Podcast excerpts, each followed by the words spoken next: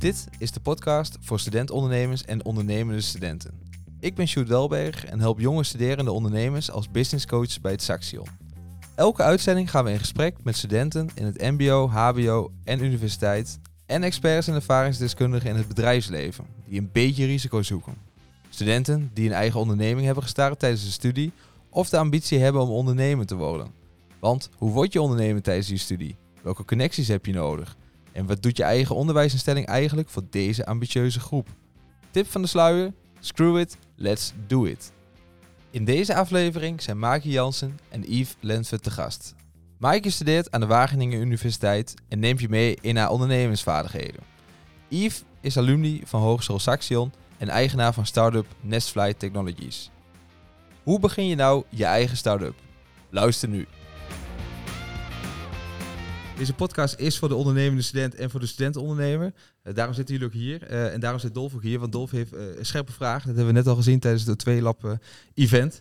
en brengt het nodige stukje humor erin. En dat hebben we natuurlijk kan niks garanderen. Echt niet. Echt niet. nou, in dit geval zijn we eigenlijk heel benieuwd naar onze gasten. Dolf en ik zijn er. zelf ben ik business coach bij het Saxion. En help startups met ondernemen.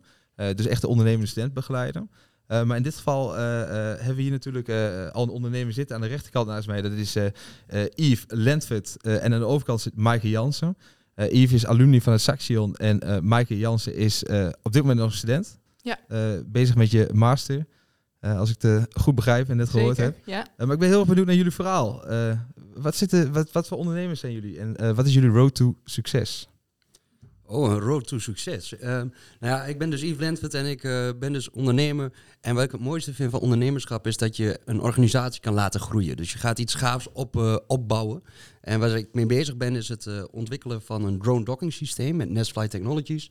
En dat is eigenlijk het soort thuishaven voor drones. En daarin zijn we nog bezig met de ontwikkeling van dat product. Maar eind dit jaar willen we daar een product voor op de markt brengen. Oké, oké. En uh, nou, drone docking station, uh, zeg je Ik ben er blij mee. Ik ben er blij mee. Ik, ik, ik heb heel vaak dat ik zeggen, mijn drones er niet kwijt kan. En, en, en, en er komt nu een dockingssysteem. En dat, dat lijkt me heel goed. Ze staan droog, ze staan veilig, ze hebben een nestje. Vind ik lekker. dus ik, ik, ben er volgens nog, ik ben er volgens nog blij mee. Maar ik ben ook natuurlijk verbaasd dat iemand bedenkt van ja... Je hebt drones en die moeten ergens zijn en dan ga ik een bedrijf voor opstarten. dat is fascinerend. Want dat is ook eigenlijk mijn vraag, en misschien ook van de studenten en studentondernemers die luisteren. Je bent oud-student van het Saxion geweest. Klopt. Uh, je hebt een opleiding gevolgd die heet... Ondernemerschap en retail management. Maar toen had je nog geen docking stations voor drones in je hoofd. Nee, nee, je moet ook wel misschien een klein beetje gek zijn. Wil je uh, een technisch bedrijf gaan beginnen, terwijl je totaal geen technische kennis of achtergrond hebt. Want retail klinkt als, als dat je, dat je de, de, de dingen wilde gaan verkopen. Ja, nou, de, zeg maar, je hebt twee richtingen, retail en ondernemerschap. Ja. Um, dus ik wist dat ik ondernemer wil worden, ook altijd ondernemer geweest. Dus uh, natuurlijk in het begin partyvuur, want ja, daar heb je als student uh, veel verstand van.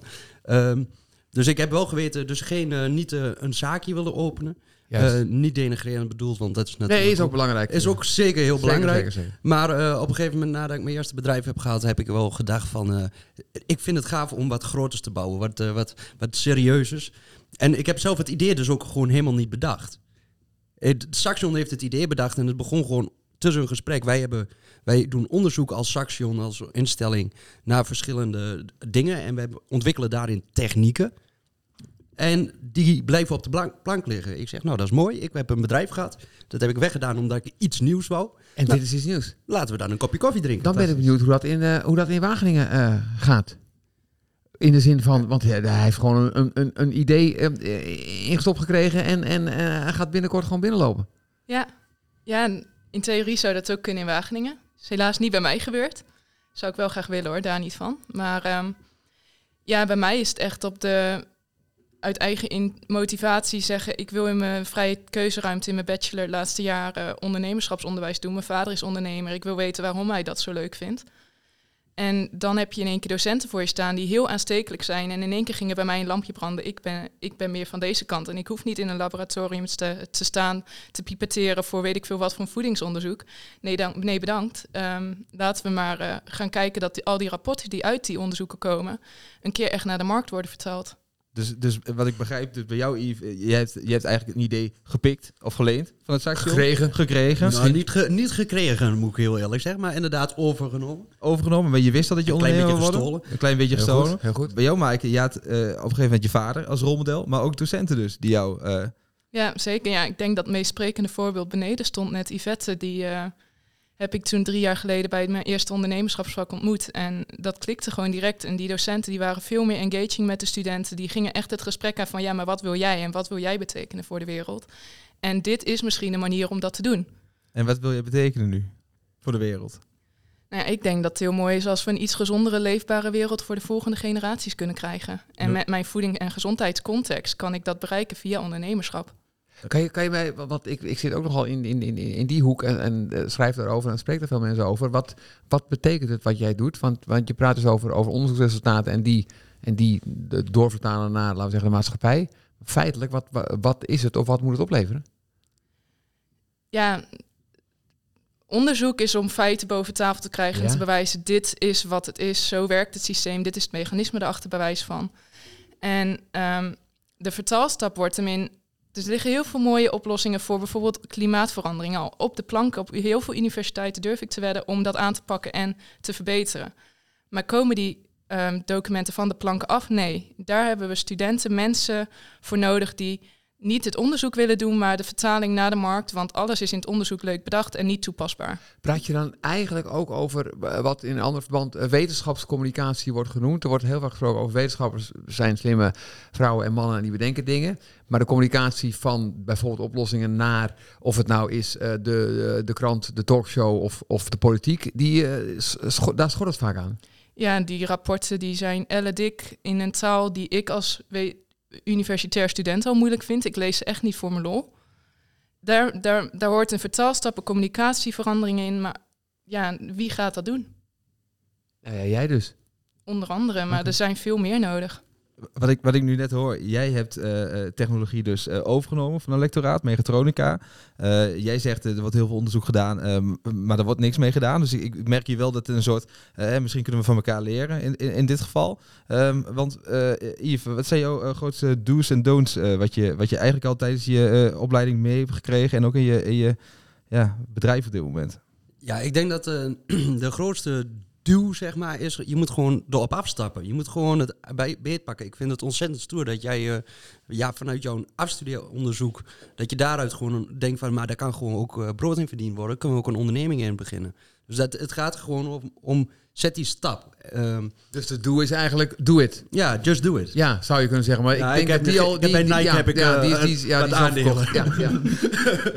Ehm, nee, dus ik denk, doe, doe het. Ehm eh, don't. eh, wees niet bang voor wat je niet weet. Dus ehm, ehm, ook bijvoorbeeld als je denkt van, nou, dit is, dit is een ver van mijn bedshow, een onderzoek, dit, eh, de- of dit durf ik eigenlijk niet aan te pakken. Ga er eens gewoon mee beginnen, want je kan voor alles natuurlijk gewoon nog leren. Heb je het idee, eh, jij eh, doet het, jij doet het, ah, eh, eh, heb je het idee dat dat ook de sfeer is bij veel van jouw, eh, ik zou bijna zeggen, collega-studenten?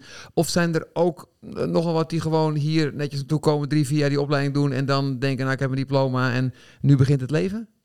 Dat laatste. Er zijn zoveel studenten die gewoon alles doorlopen, perfect volgens de regels zoals ze wordt aangeboden. En die gaan aan eindonderzoeken liggen van opdrachten die kant-en-klaar liggen, want er zijn al een paar onderzoekers die dit willen weten.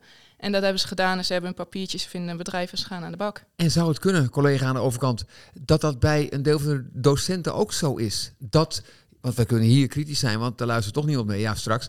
Be- begrijp ik bedoel, dat, dat ook een deel van de docenten het eigenlijk ook wel prettig vindt als die studenten gewoon zijn, zijn, zijn punten haalt of zijn examens of hoe dat tegenwoordig heet en uiteindelijk dat papiertje en toeledoki. Ik, ik denk dat het zeker zo is. En ik denk dat het ook een deel bij de lectoraten ligt. Want als, eh, als je eh, succesvolle, eh, of in ieder geval studenten aflevert die een papiertje halen, dan krijg je ook fundings. En dat is ook al een probleem. Dus die motivatie die zit daar al niet helemaal goed. Ik zit zelf bij het Centrum voor Ondernemerschap als business coach. En we zitten, vallen niet onder een lectoraat. Dus onze drijfveren zijn anders. Onze drijfveren zijn om studenten te helpen met een business. eh, en eigenlijk van niets een start-up te beginnen. En waar word je dan op afgerekend? Jij, jullie? Wij worden afgerekend op het succes van de businesses die een student eh, eh, ontwikkelt. Daar worden wij op afgerekend. En dat is ook de beste drijfveer die er is, denk ik. We hebben nog een leuke, eh, twee leuke eh, eh, stukjes. Eh, potje afkijken. Nou, potje afkijken gaat erom, wat is nou het beste advies wat je hebt gekregen of gezien van iemand anders? Kan binnen je opleiding zijn of eh, ah, buiten je opleiding. Of misschien wel op Netflix. bij wie heb jij over de schouder op het blad meegekeken en, en dacht je van, hé, hey, dit, eh, dit, dit is echt een hele goede tip.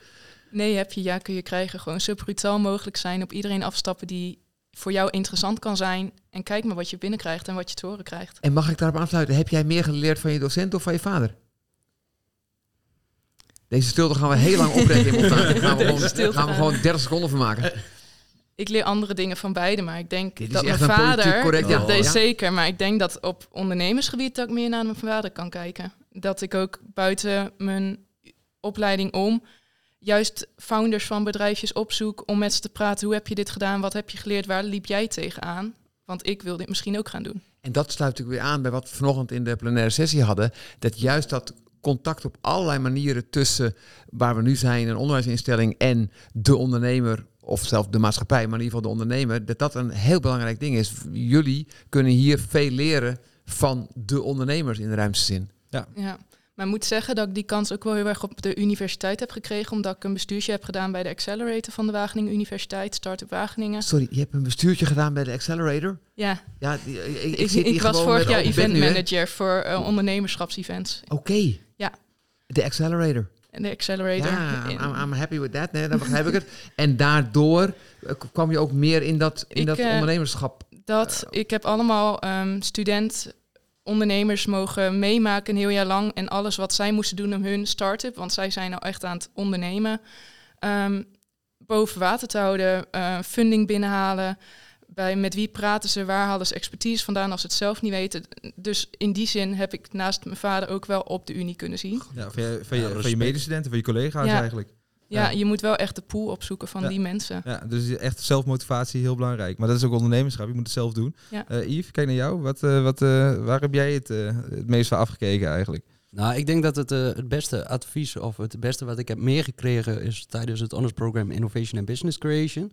Daar was eh, eh, altijd de, de quote: ehm, eh, het verschil tussen praatjesmakers en verschilmakers. En ik denk dat je, als je dat verschil weer te herkennen op een gegeven moment, want er zijn genoeg mensen die willen helpen, en dat je denkt van uiteindelijk daar niet de meerwaarde van hebt, maar gewoon eigenlijk willen meeliften. Maar ik heb nu het geluk dat ik, eh mede door dat vroeg te herkennen, nu ook een team kunnen bouwen waar ik ontzettend trots op ben. En waar ik denk dat echt serieus allemaal verschilmakers in zitten. In plaats van praatjesmakers. In plaats van praatjes. Mooi, maken, mooi, zeker. Ja, dus je moet, eh, je, moet, eh, je moet je ogen open houden. Je moet gewoon doen. Eh, want ik hoor allemaal interessante termen voorbij komen. Honors-programma's. eh, hoe wisten jullie dat? Eh, via via? Of eh, eh, hoe kom je erbij? Als, ik, als studenten luisteren nu die denken ik wil dit ook. hoe, hoe weet je dat? Ja, praat denk ik met zoveel mogelijk mensen. Ehm, eh, ik- rol wel eens overal in, maar goed, ik zorg ook wel dat ik op bepaalde plekken in één keer ben en dan met iemand praat. En dan kom je, dan kom je mensen eh, tegen en dan kan je ook wat te weten komen. En in plaats van in je eigen kokonnetje je eigen opleidingje volgen en dan maar gewoon eh, eh, hopen dat het naar je toe komt. Nou, dat komt niet. Je moet gewoon zelf erop afstappen en zelf eh, daar het voortouw in nemen. Oké, en, eh, en jij, eh eh, Maaike? Ja, het zit echt in de mensen om je heen. Als je ze hebt gevonden, dan moet je ze met twee handen vastgrijpen, want die moet je niet meer uit je buurt weg laten gaan. Oké. Dolf, heb jij nog een tip voor deze mensen?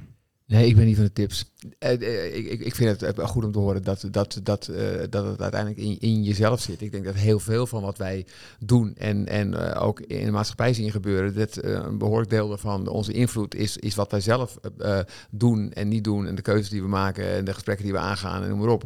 Er zijn nogal wat mensen, ook hier buiten, die denken dat de politiek of voor mij wat het onderwijsinstituut of wat dan ook het gaat regelen voor je. Uiteindelijk is dat niet zo.